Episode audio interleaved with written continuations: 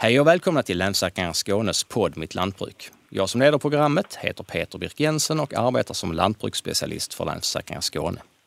Här kommer jag ta upp ämnen som berör dig som företagare inom de gröna näringarna och ge matnyttig information och råd i frågor som kanske berör just dig. Allt fler företag på landsbygden väljer att använda solens energi för att generera elektricitet till sina anläggningar. Bara här på Länsförsäkringar har vi försäkrat ett 50-tal större solcellsanläggningar.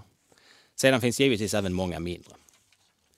Eh, det kan vara en utmärkt idé att satsa på förnyelsebara energikällor, men det finns en hel del att tänka på. Med oss i dagens program har vi Anna Mattsson som är samordnare för Energirådgivarna i Skåne. Gunnar Nilsson från Gunnarshögs gård på Österlen som just har invigt sin solcellsanläggning. Och också Länsförsäkringar Skånes egen elbesiktningsman Mattias Olsson. Välkomna! Eh, Gunnar, varför valde du att satsa på just solceller? Ja, det var ju lite olika eh, förslag jag hade. Men det är väl naturligtvis ekonomin en del som spelar stor roll. Eh, vi kör ju mycket på det halvåret så vi får mycket energi från el eller solcellerna. Vi körde förra månaden, augusti, gjorde vi igång på 69 000 kilowatt och eh, vi rensar ju och eh, torkar väldigt mycket raps och lin och spannmål.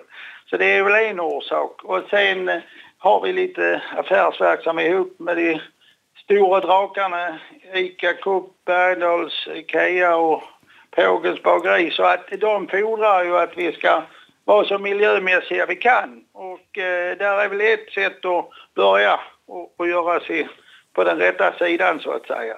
Hur fungerar ja. det rent praktiskt? Eh, alltså din anläggning den är väl kopplad till det ordinarie elnätet vad jag förstår. Eh, säljer du ut och köper tillbaka eller man kan använda sin egen direkt eller hur fungerar det? Ja, alltså vi använder ju vår egen direkt för att eh, man måste ju naturligtvis börja med att ha ström så att man kan få igång dessa här anläggningen. Sen är det ju så att den stannar ju så fort vi har ingen ström här. Och eh, vi har ju, i och med att vi behöver så mycket ström, har vi ju en, en, eh, ett elverk som eh, sköter försörjningen när vi inte har någon ordinarie strömmen. Alltså du menar ett... om det blir ett avbrott ute på linjen alltså som sånt så går ditt elverk igång? Ja, ja. Mm. ja då startar elverket direkt och då får man ju inte ha solcellerna till. Så man tänker på detta, det är ju väldigt viktigt att man har automatik på den så att inte det går att slå till strömmen ifrån solcellerna. Det ska alltså vara idiotsäkert. Så att eh, där visste jag ju inte riktigt vad jag gjorde från början. Så jag fick lite extra kostnader för just göra den automatiken på den. Men eh, det har gått bra nu. Vi har eh, satt upp alltså solceller på fem tak och det innebär 436 celler och det ger då 330 watt var och en. Så det är ju 143 kilowatt kan vi få ut. Så att eh, det är väl lite större anläggning. Anna Mattsson, du som är energirådgivare, märker du om det finns ett växande intresse hos lantbrukarna att satsa på just eh, solceller eller solenergi?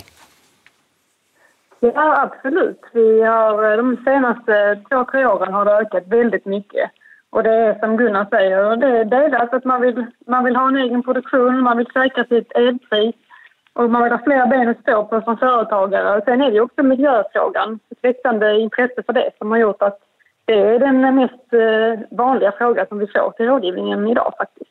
Innan, innan man sätter igång och projekterar på sin anläggning eh, eh, så är det givetvis klokt att eh, man tar hjälp av expertis på området. Eh, vad, gäller, vad finns för regler för de som vill bygga en solcellsanläggning på sin gård? Det finns väldigt många regler så att eh, det gäller att man har klart för sig vad det är man vill ha. Och som lantbrukare så får man ju fundera över om man vill ha en riktigt stor anläggning som Gunnar har eller om man vill ha en lite mindre. Om man håller sig till en mindre anläggning så finns det en gräns eh, där man kan kallas mikroproducent. Om man är under 43 kilowatt eh, då blir det lite enklare regler. Eh, man får ett gratis nätarbyte av elbolaget och man behöver inte ha ett abonnemang för att sälja el. Eh, och det är då egentligen gjort för privatpersoner. Så det måste man också fundera på som lantbrukare. Vilken byggnad ska den sitta på? För att om du ska funka som privatperson så måste den sitta på bostadshuset. Ska den sitta på lantbrukets byggnader så får man eh, vara noga med så att man hamnar i rätt eh, regelverk. Det är lätt att säga att man pratar med sitt elbolag, sin nätägare. Eh, och eh, som Gunnar var inne på också så kan ju många lantbruk vara långt ute i elnätets yttersta delar. Och då är det viktigt att man har, har det från början att eh, det här elnätet klarar den här belastningen. Eller om det behövs göra några speciella installationer.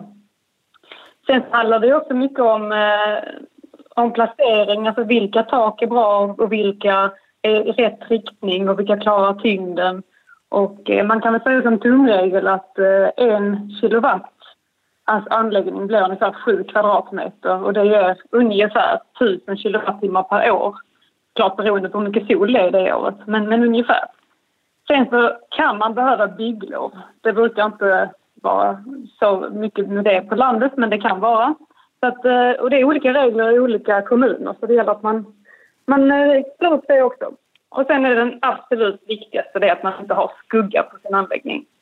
Och eh, man kan ju ha den på marken också faktiskt om inte man har ett lämpligt tak. Eh, finns, finns det några ekonomiska incitament för att satsa på det här? Alltså statliga bidrag och alltså hur ska man kalkylera? Och är det olika om man är privatperson eller företagare där med just de statliga eh, bidragen? Ja, det finns många regler och många bidrag. Eh, om man är privatperson så eh, kan man eh, använda sig av rotavdraget för själva installationskostnaden. Eh, men det vanligaste är att man söker solcellsstödet som handläggs av Länsstyrelsen. Idag täcker det 20% av totalkostnaden för privatpersoner eller 30 om man är ett företag. Eh, och just nu håller, håller man på att se över de här reglerna så att det kan vara lämpligt att hålla sig uppdaterad.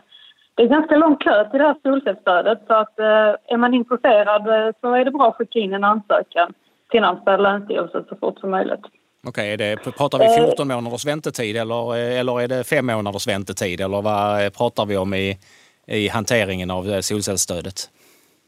Det har legat på mellan ett och ett halvt och två år faktiskt mm. eh, nu. Att, eh, det, det kommer helt enkelt in fler ansökningar än vad som fanns pengar per år. Men nu har det aviserats att det ska komma lite mer pengar så vi hoppas att den här kön ska kortas ner nu. Den har redan börjat kortas ner lite grann. Eh, och sen så finns det då eh, för jordbruks och trädgårdsföretag eh, som har mindre än 50 anställda, omsätter högst 10 miljoner euro per år, så kan man använda sig av ett investeringsstöd till förnybar energi. Eh, det här stödet handläggs också av, av Länsstyrelsen men man söker via Jordbruksverket. Eh, och då kan man få maximalt 40% i stöd och investeringen måste då överstiga 100 000 kronor.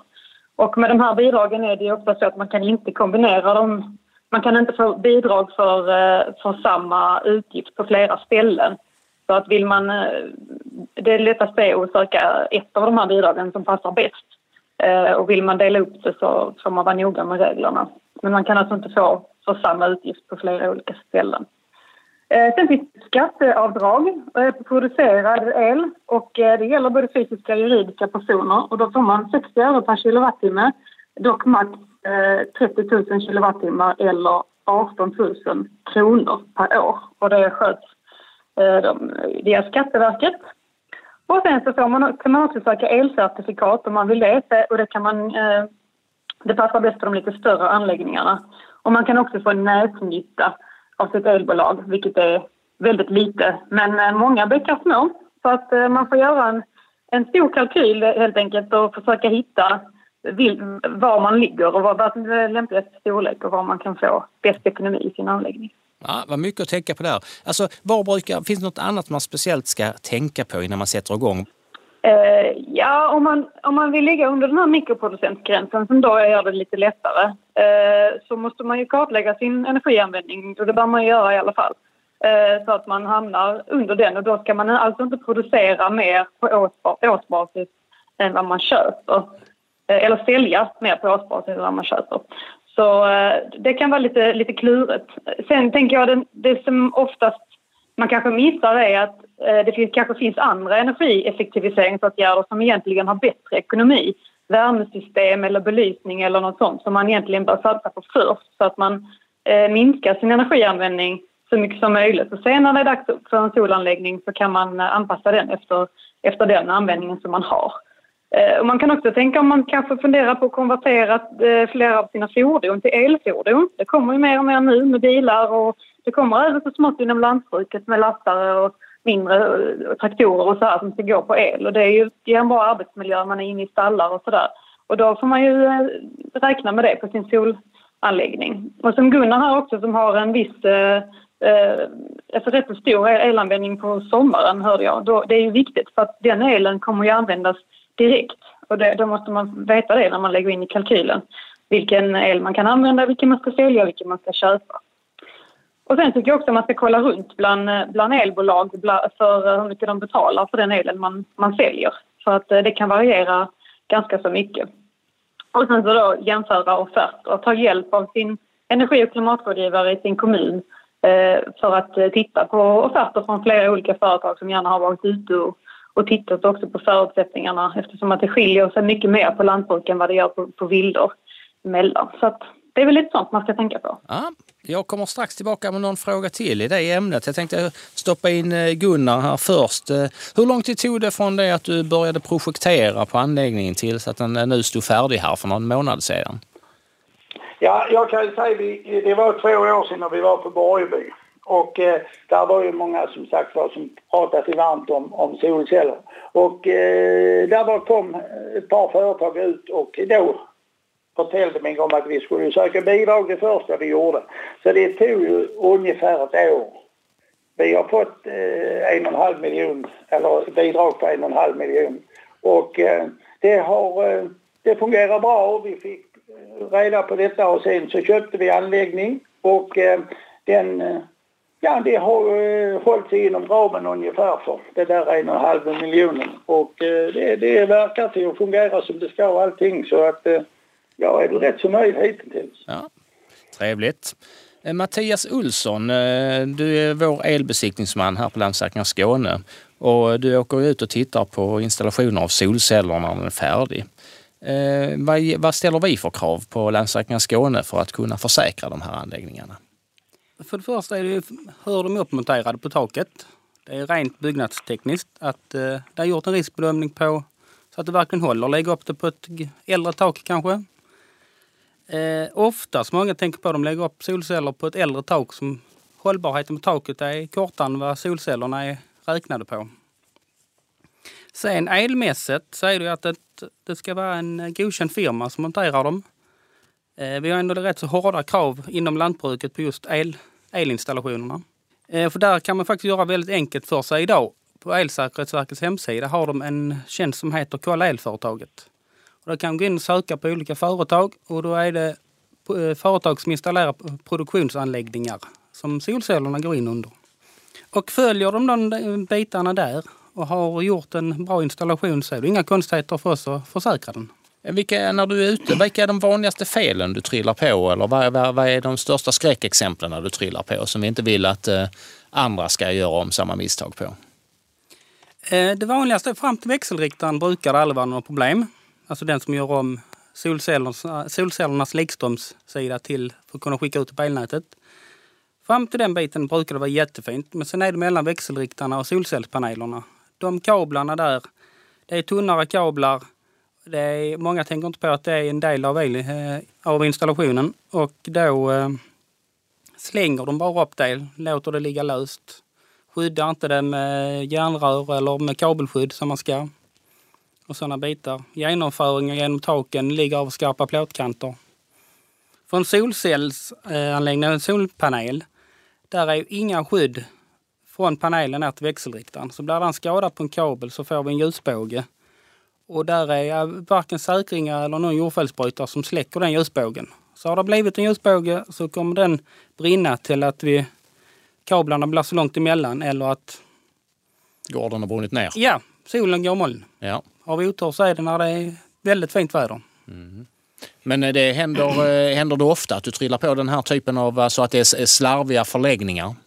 Tyvärr är det det. Ja, ja vad ska man ha någon siffra så kanske mer än hälften som jag är ute och tittar på är det tyvärr lite sådana fel. Det har, det har skrivits en hel del om eh, stölder av solceller. Eh, hur kan man skydda sig mot det? Eh, ja, alltså de panelerna som ligger på tak är oftast aldrig några problem. Det är ju de markmonterade anläggningar vi har. Eh, och då är det att det är ju stängsla in dem, något form av larm i staketet eller där de står.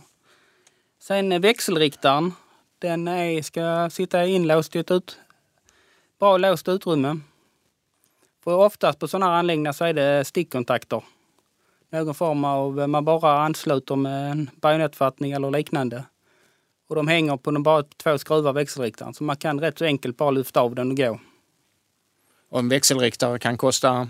Ja, de ligger ungefär uppe på 20-25 000. Ja. Eh, nu ställer vi ju en del krav på våra kunder men vi vill gärna också kunna vara med och hjälpa till och dela med oss av vår kunskap och kompetens. Eh, eh, hur kan du bistå lantbrukskunder som funderar på att installera solceller? Ja, vi har tagit fram ett väldigt bra faktablad som heter just solcellsanläggning. Den ligger på vår hemsida under lantbruk och förebygga skador. Där är egentligen, det är en väldigt en enkel skrivning av elinstallationsreglerna förkortat som är skrivet på väldigt enkel svenska så alla förstår det. Sen är det jätte, går jättebra att ringa in till oss.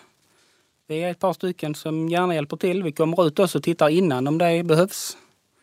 Eller ren rådgivning. Jag har många solcellsinstallatörer som ringer direkt mig också när de ska installera på ett tak eller på någon anläggning som de inte riktigt vet hur de ska gå tillväga. Eh, Gunnar, nu efteråt, eh, har du några sista råd eller några råd till de som ska gå i solcellstankar? Kanske något du skulle gjort annorlunda om du fick börja från början? Uh, det vet jag inte precis, det har jag inte blivit klok på ännu, men att jag har blivit klok på så mycket att uh, taken tycker jag verkar till vara det bästa om vi ligger på, åt söder. Sen har vi med 15 grader, 30 grader, 45 graders lutning och 45 grader är alltså helt klart bättre än de andra. Så att eh, kan man få upp dem till ett tak som är 45 grader så är det, är det toppen. Sen är det ju eh, också med, med solcellerna, det är ju olika system man har. Vi eh, har ett Solar Edge-system vilket innebär att man kopplar ihop två och två celler. Så blir den skuggad på någon cell så blir det bara, alltså de två som hör ihop är klart är skuggan större så den tar större bit men det blir bara normalt sett två och två. Men eh, det gamla systemet som jag kallar det, där kunde man koppla ihop 10, 15, 20 stycken och skuggade det ena så blev det liksom inte så bra. Eh, Anna, eh, hur får man kontakt med energirådgivarna där man bor? Eh, ja, de skånska energi och klimatrådgivarna hittar du lättast på vår hemsida, ekrs.se, som är energi och klimatrådgivarna i Skåne, EKRS. Mm. Eller på vår Facebook-sida, Energirådgivarna i Skåne. Eh, och letar man nationellt så kan man söka via Energimyndighetens hemsida. Där kan man också hitta alla energi och klimatrådgivare som är kommunala i hela Sverige. Så det, de här kommunala energi och klimatrådgivarna är ju både oberoende och kostnadsfria. Så att och den tjänsten finns över hela landet. Eh, och vi har också en, eh, gjort en skrift, precis som Länsförsäkringarna då, eh, som heter Solceller från idé till verklighet. 13 steg handlar den om, hur man tar sig från att börja titta på sitt tak till att man kan njuta av en färdig anläggning. Och den finns också på vår, på vår hemsida, ekrs.se. Och där i den är det bland annat en tabell där man kan fylla i alla de här ersättningarna som jag pratade om Eh, så att man kan få värde för såld och lättare göra en, en kalkyl. Men eh, det är bara att ta kontakt med sin närmsta rådgivare som man hittar då via vår hemsida. Då säger jag tack så mycket för att ni varit med, eh, Anna Mattsson och Gunnar Nilsson och Mattias Olsson. Tack så jättemycket! I slutet av juni är det som alltid dags för Borgby fältdagar och förberedelserna för arrangemanget är full gång. I alla fall i gropen där det händer saker just nu. Eh, vad är det ni håller på med, Andreas Mårtensson, mässgeneral för Borgby fältdagar? Vi håller på att byta jord här eh, i gropens eh, halva areal kan man säga. Vi har hämtat en eh, lättjord uppifrån Brösarptrakten med lågt pH och eh, dåligt fosforvärde. Och sen har vi hämtat en lite styvare jord ifrån Kristianstadstrakten också med, med dåligt pH här för att se vad vi kan göra med den under vintern här för att få det till att växa till våren. Vad, är, vad har ni tänkt att så i? Eh, så och vilka grödor ska ni ha där?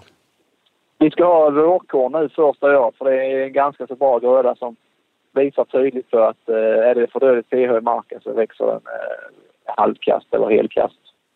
Ja, givetvis. Vilken kunskap tror ni det kan ge? Ehm, men det är att lära sig att, att gödsla rätt och sköta sin mark rätt. Det måste vara det som, eh, som styr det hela. Ja, men det är lite det att man, det är viktigt man jobbar med sin mark hela tiden liksom och underhåller den med kalkning och, och gödsling där för att eh, tänka långsiktigt. Liksom. Att det är inte bara ett år man odlar på marken utan man måste liksom hålla den i god trim över en längre sikt här och de ökningarna man gör rätt kanske inte alltid speglar av sig direkt utan man får liksom tänka på en längre sikt. Vi ska ju liksom bruka jorden och mina barn ska ju bruka jorden här efter mig förhoppningsvis. Då känns det som att det är vår skyldighet att hålla den i, i god vigör. Eh, den som vill kan följa försöken via sociala medier. De kommer läggas upp eh, som inlägg fortlöpande på Borgby Fältdagars Facebook-sida och på Instagram. Man kan förstås också se resultaten på, eh, i sommar på Borgby Fältdagar. Vilka dagar är de i då, sommaren 2018, Andreas? Det är den 27-28 juni så det är bara att sätta ett stort kryss i sin kalender redan nu. Då sätter vi det så är det klart. Det var allt som vi hade att erbjuda den här gången. För att inte missa ett avsnitt av Mitt Lantbruk kan du prenumerera på podden via iTunes eller Android-spelare och på vår hemsida lansakringar.se skane mittlantbruk. Jag som har hållit i programmet heter Peter Birk Jensen och jag tackar för att ni har lyssnat. På återhörande.